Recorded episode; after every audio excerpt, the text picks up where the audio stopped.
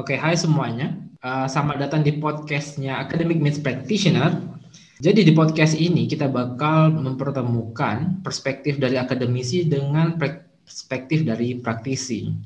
Nah, hari ini kita kedatangan praktisi yang paling mantap, yaitu Handika Wisnu.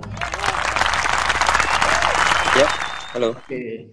Jadi Wisnu ini sebenarnya sekarang dia lagi jadi hedge fund manager gitu kan, Oke, jadi uh, eh, gue senior investment analyst di sebuah perusahaan hedge fund di yang berbasis di Hong Kong. Jadi gue milih-milih perusahaan-perusahaan yang ada di scope portfolio ya. Jadi entah itu di Asia atau di Amerika atau di Kanada untuk kita uh, pilih untuk lakukan investasi. Gitu dan biasanya skopnya kita tuh lebih ke arah merger and acquisition. Kalau gua boleh tambahin, kalau nggak salah sebelumnya lu uh, portfolio investasinya ada di Vietnam, di Australia, di di mana lagi nu? Oh iya, uh, uh, jadi um, tempat-tempat di mana mereka tuh biasanya habis ada crash market, kita biasanya ada di sana. Jadi kayak Vietnam tahun 2011 2012, lalu uh, sekarang kita lagi uh, sejak sejak 2017 2018 kita ada di Australia. Jadi gini no, sebenarnya gue tuh pengen nge bridging nggak ngejebatani pertemuan dari akademisi dengan temuan yang ada di real life uh, di praktisi kayak lo gitu no. Tema yang paling yang lagi pengen gue angkat itu adalah tentang pilpres Amerika. Kan lagi hot tuh no. Yeah. Tentang yeah. Biden kah atau Trump yang sampai sekarang mereka masih cari-cari siapa yang menang, tunggu hasil Nevada dan sebagainya. Nah, yang yang menarik itu gini loh. Jadi pas pas gue baca di Twitter atau di Facebook gitu, uh, banyak banget pendapat dari akademisi dan praktisi itu agak bertolak belakang. Dan dan gue itu membuat gue uh, menyimpulkan apakah sebenarnya uh, pilpres Amerika Serikat ini perspektif dari akademisi dan praktisi itu beda atau gimana sih sebenarnya? Dan dan untuk itu gue gue pengen nanya ke lo sih sebenarnya. Mungkin boleh kita bridging apakah beda atau enggak. Sebenarnya penelitian itu banyak nunjukin bahwa uh, beberapa event dari political events, entah itu demonstrasi kalau di di Malaysia itu ada bersih atau pilpres Indonesia atau uh, Hong Kong riots dan sebagainya itu sebenarnya ada pengaruh secara negatif ke saham gitu, pasar modal lah secara keseluruhan. Nah sebenarnya benar nggak sih, ada nggak pengaruh dari political event, nggak hanya pilpres sih, kalau secara keseluruhan political event itu ada nggak sih pengaruh kepada pasar modal? Selama political event itu uh, menyebabkan ketidakpastian. Itu jadi kayak misalkan itu aja kita bicara kasus studi kasus uh, ketika 2016 Trump kan kepilih tuh. Nah itu kan bisa dibilang kayak semacam upset victory kan dari kubu Republikan. Dan pada saat itu um, banyak-banyak dari eh, banyak dari lembaga-lembaga uh, polling itu tuh memenangkan Hillary Clinton ya kan? Terus ternyata uh, Trump menang tambah lagi kongresnya dikuasai sama Republikan pula. Nah itu itu sebenarnya tuh gue ingat banget itu tuh jadi kayak memunculkan ketidakpastian yang cukup kuat gitu di bursa secara global gitu. Nggak cuma di Amerika aja. Jadi ya. itu sorry no, jadi itu lebih kepada ketidakpastian atau kepada figur. Jadi apakah gara-gara Iya, uh, figur, iya betul. Uh, jadi um, figurnya Trump itu kan memang apa ya seperti yang akhirnya kita ketahui selama dia uh, di White House selama ini gitu kan, bahwa memang dia bisa menggerakkan market via Twitter.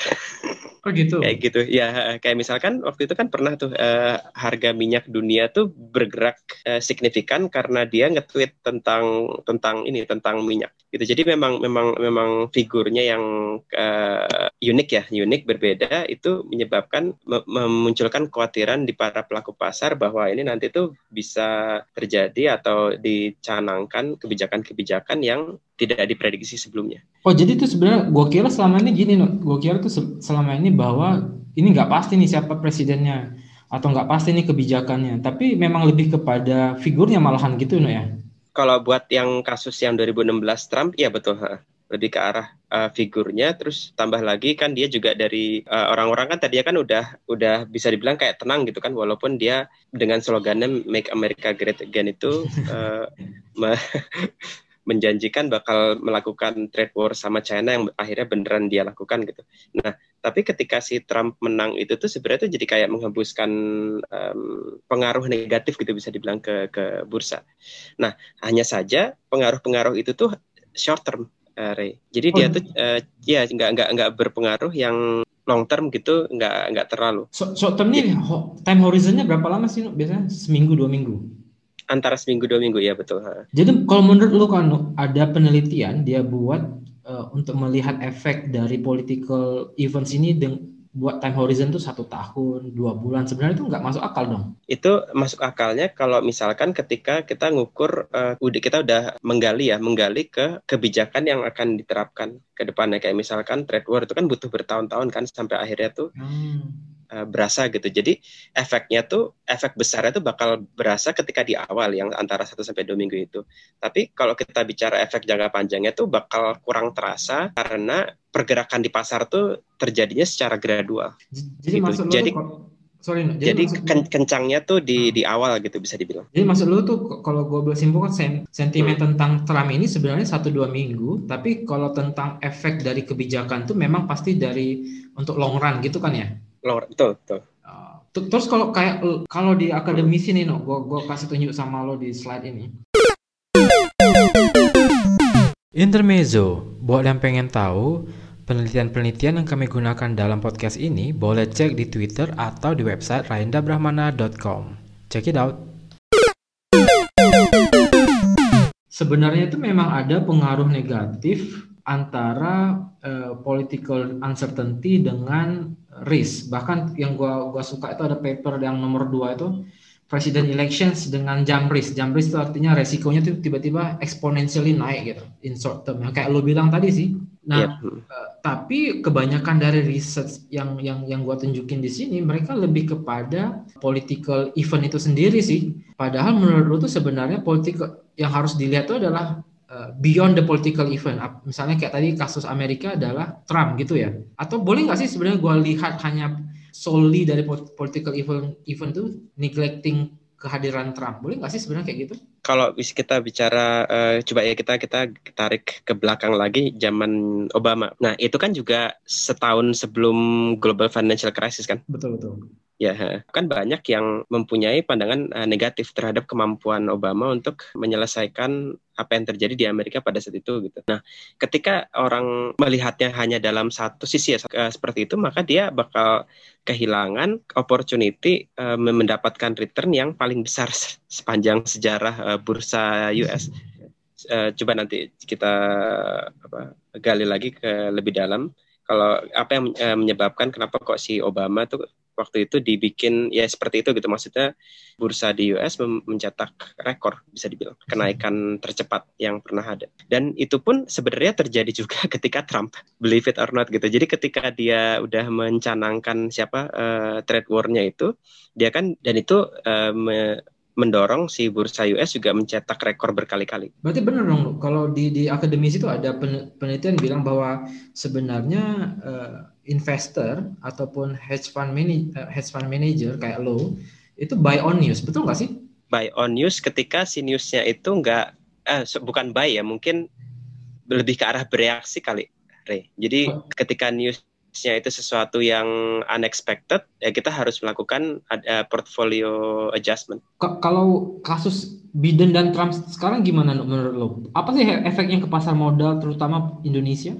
Cukup banyak sih sebenarnya itu. Jadi kan dari yang apa yang disampaikan sama Biden ketika dia debat dengan Trump dan, dan apa ya pernyataan-pernyataannya di media segala macam itu kan banyak banget tuh yang arahnya tuh kurang lebih sama gitu bahwa dia akan mereverse semua dalam tanda kutip ya kekacauan yang dilakukan oleh Trump selama dia hmm. ada di di uh, White House gitu termasuk salah satunya isu tentang trade war US sama China itu gitu. Jadi kan um, make um, slogan make America great again itu kan sebenarnya emang bagus untuk Amerika karena itu me menciptakan employment ya. Mencipta yeah. menciptakan tenaga kerja di yang cukup banyak di eh, di US terus tambah lagi banyak perusahaan-perusahaan pusat-pusat produksi eh, perusahaan-perusahaan Amerika ya. Perusahaan-perusahaan Amerika dengan pusat produksi yang tadinya tuh di luar Amerika mereka balik uh, pulang kampung. Uh, kalau Jadi, lo kalau lo bilang tadi kebijakannya Biden akan mempengaruhi trade wars Amerika dan Cina,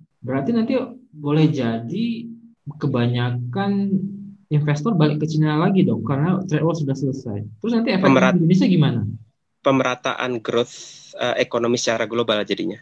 Jadi ketika Trump itu naik, jadinya kan growth ekonomi globalnya tuh kuatnya di US. Makanya dia uh, eh, USD-nya kan juga termasuk uh, kuat sekali kan selama Trump uh, berkuasa. Betul.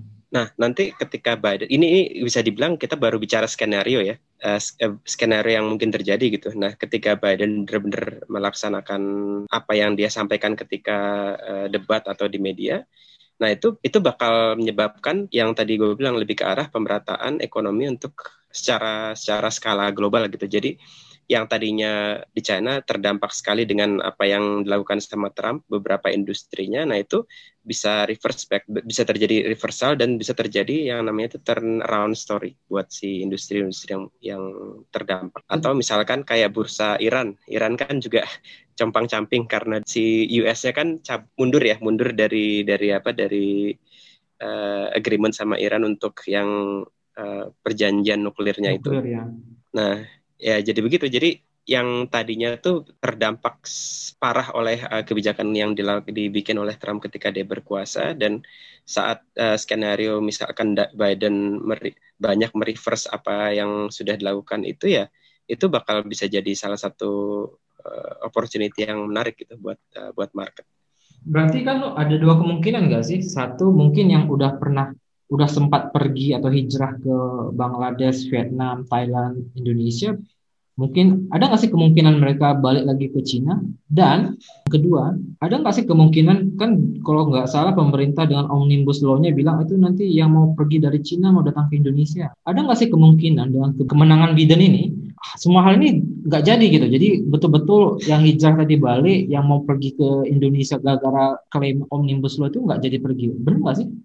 Kelihatannya sih nggak, um, terutama buat yang udah keburu pindah ya yang hmm. udah keburu hijrah ke entah ke Thailand lah ke Vietnam uh, atau ke Indonesia itu sih kelihatannya nggak akan balik ke itu lagi jadi nggak akan se ekstrim itu gitu karena kan mereka juga butuh capital dan capexnya kan? ya capital capital capexnya kan juga besar sekali kan untuk uh, melakukan merelokasi pabrik seperti itu kalau gue sih lihatnya ketika buat yang udah terlanjur pindah mereka juga kan biasa pindahnya kan nggak akan langsung itu, Ray nggak akan langsung uh, semuanya gitu. Pasti kan bertahap. Misalkan tahun pertama mereka pindah 20% kapasitas dulu, lalu tahun-tahun berikutnya baru bertambah gitu. Misalkan tahun lalu itu baru tahun pertama, berarti dengan kemenangan Biden ini mereka tuh bakal pemindahan kapasitas dari pusat produksinya itu bakal stop di situ gitu dan mereka lebih pilih untuk wait and see. Kalau yang rencana pergi ke Indonesia misalnya kan kalau kita masih ingat ada politikus bilang omnibus law akan menyebabkan banyak 150 ya. itu gimana menurut lo no? Kalau Biden menang? Sa sama aja. Uh, jadi uh, penerapannya sama dengan antara yang udah pindah ke entah Vietnam ke atau ke Thailand atau ke Indonesia sama gitu. Jadi itu memang jadi resiko eh, makanya ketika kemarin kan bursa IHSG kan naiknya sempat naik tiga persen kan di yes, tanggal yes. 5 November itu setelah Biden makin besar itunya kemungkinan untuk menangnya. Um, tapi secara secara industri atau sektoralnya, industrial estate itu salah satu yang pergerakannya paling lambat. Tapi kan kalau gua nggak salah, bah kebanyakan saham-saham kawasan industri yang gua nggak mau sebut namanya udah sempat naik nggak sih? Udah udah sempat itu kan karena karena adanya sentimen, kan? omnibus ya sentimen omnibus law itu dan itu kan pro pro untuk um, perusahaan-perusahaan asing buka pusat produksi atau pabrik-pabrik di Indonesia. Nah itu yang gue bingung jadi gimana nanti kalau ternyata benar Biden menang apakah dia akan balik harganya akan bakal balik nyungsep. Karena gua kalau kita masih ingat kayak kasus vaksin dengan perusahaan farmasi di Indonesia kan harganya udah berapa kali arah. Setelah mereka tahu itu ternyata hanya tempat bottling harganya nggak turun-turun jauh-jauh amat gitu. Menurut gimana nu? Kalau buat gua sih itu bakal jadi eh, bakal terrealisasi dengan sendirinya dalam artian nanti kan itu kan apa yang 150 perusahaan yang katanya bakal uh, pindah ke Indonesia itu mereka ditunggu itunya kan ditunggu actionnya gitu. Tapi dari dari sisi mereka pun mereka akan wait and see Oh gitu. Iya, jadi mereka nggak nggak uh, karena kan mereka juga belum ada komitmen yang terlalu besar gitu Ray, untuk melakukan uh, perpindahan itu gitu. Baru oh. lebih ke arah lebih ke arah mereka ada ada uh, ketertarikan untuk merelokasikan pusat produksinya ke Indonesia. Until they announce kalau mereka nggak jadi ke Indonesia itu baru mungkin sahamnya bakal drop gitu ya. Iya, tapi ya itu uh, buat yang bergerak lebih dulu dibanding market, mereka bakal udah ngurangin posisi dulu. Nah itu itu yang yang jadi pertanyaan hmm. lagi. Sebenarnya hmm. institutional investor ini dia sebenarnya menunggu berita sebagai katalis dalam artian dia sudah udah udah punya posisi duluan atau dia nunggu posisi ketika ada berita yang benar yang mana yang benar adalah ke, e, mereka bergerak sebelum ada berita so jadi berita adalah katalisnya jadi, apalagi kalau misalkan itu dipenuhi dengan ketidakpastian nah, nah ini kan event sebuah event yang dipenuhi ketidakpastian kan trade war US China bagaimana nih? Nah, nanti kalau misalkan ternyata trade war yang melunak dan ternyata para perusahaan-perusahaan itu nggak perlu merelokasi pabriknya gimana ceritanya nanti? Nah itu. Oh ber berarti kalau ada penelitian nih no ngasih hmm. bahwa investor uh, react apa bereaksi terhadap news itu betul tapi kalau ada penelitian investor invest setelah ada berita berarti itu salah. Benar nggak sih? Atau tergantung kalau kita bicarain Iya, bisa juga ya tergantung investor, tapi biasanya tuh kalau kita udah bicara institusi-institusi besar itu biasanya mereka udah um, gerak sebelum market gitu. Jadi karena masalah ukuran kan, ukurannya uh, ukuran mereka yang sangat besar itu tidak memungkinkan mereka untuk baru mau masuk market ketika baru muncul beritanya. Oke oke, ini ini kayaknya gue jadi dapat insight baru dari lo. Jadi itu ada penelitian bilang return dari institutional tuh jauh lebih besar daripada retail itu satu. Yang kedua retail investor dia bakal follow institutional investor itu herding behavior. Nah yang yeah. ketiga kan ada penelitian bilang bahwa kalau uh, trading activities itu returnnya akan lebih kecil daripada value investing. Gua gua mau nanya berarti kalau lo bilang uh, institutional investor itu dia sudah uh, bergerak sebelum belum ada news berarti mereka menerapkan let's say value investing dong. Itu benar apa enggak? Iya betul. And then kalau mereka setelah ada berita, kemudian yang menggerakkan tuh sebenarnya boleh jadi institusional dan retail dong. Berarti benar dong bahwa retail mengikuti uh, herding terhadap institusional. Betul, Ekor. betul sekali. Hmm. Oh betul. Oh, betul gitu. ya. Menurut lo, apakah semua saham akan mendapat perlakuan yang sama atau hanya saham-saham tertentu aja? Hmm, kita mesti lihat relevan relevansinya bisa dibilang. Jadi kayak misalkan ini kita lagi bahas omnibus law yang yang berhubungan sama tadi kan tentang relokasi dari pusat-pusat produksi itu ke Indonesia. Itu kan bakal bakal berdampak uh, berpotensi berdampak, berdampak negatif karena adanya ketidakpastian itu ke uh, pusat pus, uh, pusat-pusat industrial estate. Oke. Okay. Ya, nah jadi nggak bisa generalisir gitu. Jadi mesti dilihat case by case. Hmm. Jadi maksud lu kalau ada penelitian bila uh, buat penelitian seperti ini loh, pengaruh Pilpres Amerika terhadap pasar saham itu sebenarnya kurang tepat karena sebenarnya Pilpres Amerika ini hanya efeknya terhadap uh, beberapa industri, let's say industri kawasan industri atau nikel seperti itu ya no ya. Iya betul. Nah kayak itu bicara soal nikel juga kan Biden tuh salah satu green supporter energy. green energy. Nah, itu bakal itu bakal rame tuh soalnya uh, itu kebalikannya Trump kalau Trump kan dulu di backing banget sama perusahaan uh, pengusaha-pengusaha batu bara tuh sampai dia keluar dari uh, Paris climate agreement itu kan. Yes, yes, yes. Yang nanti bakal di, di lagi-lagi bakal di reversal sama Biden gitu. Biden, uh, US bakal masuk ke Paris eh Paris climate agreement uh, untuk ke depannya. Ya itu itu kan uh, gimana ya? Oke okay lah bisa ja, bisa bisa jadi bakal berdampak gitu. Kalau kita bicara satu poin ini aja bakal berdampak ke bursa US. Nah tapi kan telusuri case by case-nya gitu. Berdampak itu ke mana? Oh ternyata berdampaknya itu ke para mining yang berhubungan sama uh, bahan baku untuk green energy ini atau electric vehicles ini. Seharusnya penelitian tuh malah buat penelitian efek pilpres terhadap industri tertentu dong ya nggak boleh ngambil semuanya kalau kalau yang di mau di apa ya yang mau diambil atau mau dihasilkan dari penelitian itu untuk sebagai sesuatu yang applicable iya sebaiknya begitu hmm. nah ada lagi satu lagi nih yang gua gua pengen pengen tanya sama lo membuat penelitian membuat penelitian itu kan memerlukan waktu let's say satu tahun. Let's say gue adalah mahasiswa S3 atau gue ada dosen buat penelitian, gue buat penelitian, oke okay, efek Pilpres Amerika terhadap uh, pasar modal Indonesia. Baru selesainya tahun 2, November 2021. Emang ada gitu yang mau ngebaca apa bakal dibutuhkan practitioner atau gimana? Menurut lo, lo bakal baca nggak sebagai uh, praktisi penelitian? Let's say tahun ini adalah tahun 2021 lu bakal baca gitu hasil penelitian tahun 2020 kelihatannya kurang relevan ya karena kan udah udah udah apa udah berlalu setahun yang lalu berarti kan dan market udah udah berubah banyak dan sebenarnya tuh untuk ngecek uh, apa ya terutama kan kayak misalkan gua lagi ada ada ada interestnya di yang berhubungan sama green energy electric vehicles gitu. Untuk lebih baik untuk kita tuh lakukan reality check sendiri. Jadi lebih lebih relevan karena itu itu kan nah maksudnya tadi kan lu bilang dia me meneliti untuk kejadian yang uh, sekarang gitu kan yang pilpres US tapi hasilnya itu baru muncul setahun lagi gitu kan? Betul betul. Iya nah itu jadi jadi wah itu udah udah uh, udah beda sebulan aja udah bisa beda cerita. Apalagi setahun.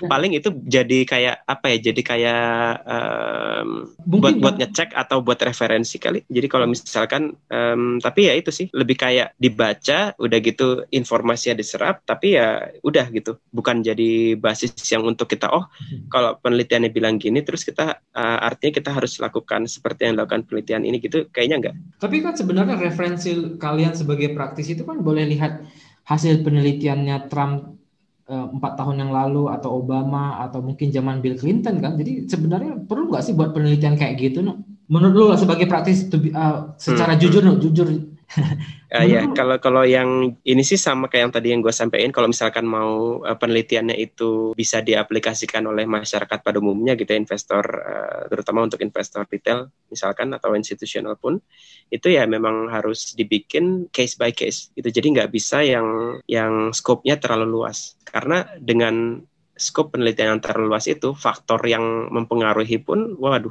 uh, ada banyak sekali gitu. Udah jadi kontrol apa ya disebutnya ya? Faktor kontrolnya tuh udah udah udah liar sekali terlalu banyak ya, ya.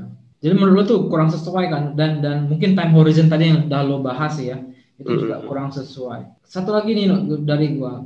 Sebenarnya pilpres Amerika Serikat ini ada nggak sih hubungannya dengan pasar saham Indonesia? Atau sebenarnya Pilpres Amerika Serikat ini dia hanya berhubungan dengan beberapa industri saja. Yang pertama tak uh, jelas kelihatan dam berasa dampak ya karena di tanggal 5 November itu kan IHSG naik 3% tuh. Betul. Nah, itu kan jadi jadi bisa dibilang uh, shock efeknya kali ya untuk yang uh, short term untuk jangka pendek seperti itu. Nah, kalau untuk yang uh, untuk yang efek long termnya itu bakal berasanya tuh spesifik per industri. Gitu. Industri gitu. apa nih yang kalau kalau kayak, kayak misalkan ini aja kan efek dari trade war US China itu kan menyebabkan banyak barang-barangnya China yang nggak bisa masuk US. Nah Betul. si barang-barangnya itu kan nggak apa ya nggak menguap gitu aja gitu mereka harus dijual di satu tempat Betul. dan akhirnya tuh membanjiri banyak pasar di negara-negara lain-lain gitu selain Amerika, termasuk Indonesia. Kayak misalkan kita kebanjiran besi baja, semen, tekstil. Nah itu uh, yang paling berasa waktu itu sih uh, besi baja karena kan ada Krakatau Steel kan waktu itu juga ber, berdarah-darah ya bisa dibilang ya karena besi uh, baja murah dari China tuh ngebanjirin market di sini. Oke. Okay. Nah, itu nanti ketika misalkan uh, skenario Biden memperlunak trade war-nya dan ternyata Amerika bakal nyerap produk baja China lagi, ya berarti kondisi oversupply di market juga bakal secara gradual akan membaik, akan berkurang oversupply-nya gitu. Dan ketika oversupply itu berkurang, artinya kan economics dari si perusahaan kan juga akan membaik, profitability dan lain-lain. Oh. Gitu. Jadi kalau kalau kalau uh, gue udah udah udah um, sempat lihat-lihat juga sih jadi apa yang dulu terdampak negatif uh, cukup parah dengan kebijakan yang apa yang sudah dilakukan diterapkan zamannya Trump itu menarik untuk diperhatikan karena ada potensi turnaround story. Apa maksud lu tadi apa yang yang yang gimana yang yang negatif di zaman Trump gitu? Yang ya? sudah ya yang yang terdampak negatif gitu dan ber uh, berujung harga sahamnya jatuh ancur-ancuran lah bisa dibilang. Dan, dan itu mungkin jadi penelitian yang menarik nggak sih? No? Jadi sih mungkin dia shifted kan jadi yang mungkin apakah benar uh, perusahaan yang negatif di Trump kepilih menjadi shift menjadi positif lagi di setelah Trump jatuh. Iya menarik itu menarik itu Uh, itu apa ya uh, riset personal gue sebenarnya. Habis lah Maksudnya maksudnya tema ya tema ya tema tema riset personal gue yang bakal gue aplikasikan gitu. Oh gitu. Iya, karena Atau, ya. Hmm. Sorry, kalau tadi kan berarti perusahaan baja, kawasan industri, perusahaan nikel. Kalau kalau fast moving consumer good ada nggak ngaruhnya no? Kelihatannya terbatas banget ya karena nggak uh, eh, gue nggak lihat ketika terjadinya uh, efek dari trade war US China itu nggak berdampak banyak ke ke FMCG kita ke ah. consumer goods. Kalau bank perbankan kayaknya enggak sih ya. Enggak enggak enggak. Lebih ke arah lebih ke arah apa ya pusat produksi manufaktur oh. trade.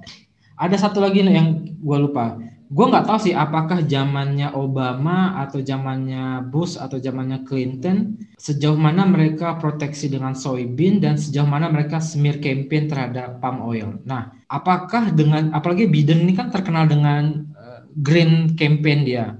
Apakah dengan terpilihnya Biden bakal mempengaruhi kinerja perusahaan plantation di Indonesia? Kalau dari perspektif lo? Kalau yang soal palm oil, soybean ya, ya um, so, soy, soybean sih kalau soybean nggak nggak relevan ke Indonesia kali ya. Maksud gue yang ke palm oilnya no? Ke, oh oke okay, ke palm oilnya. Selama ini kan Trump nggak pernah gimana gimana kan nggak ya nggak nggak se nggak se kritis uh, Eropa gitu. Eropa kan yang paling kencang betul, betul. ngeritik ke Indonesia soal industri palm oil kita. Nah, Mak maksud gua gini loh kan si si si Biden ini kan Biden ini kan terkenal dengan hmm. green campaign-nya. Iya. Yeah. Hmm, hmm. Apakah nanti dia mak bakal mak makin smear campaign ke palm oil kan? Nanti dia bilang oh ini palm oil ini merusak lingkungan, nah, makin habis lah. Ada nggak sih kemungkinan seperti itu? Kelihatannya sih uh, ya ke kemungkinan pasti ada, tapi gue sih menakar ya, menakar probabilitanya eh, kecil. Oh. Karena gue lihat uh, kan ada beda karakter tuh. Kalau Trump kan dia nggak suka, dia langsung babakan. Langsung langsung ya langsung ditabrak gitu. Senggol langsung tweet, langsung dia tweet. Langsung di tweet, eh, terus langsung marketnya gerak gitu.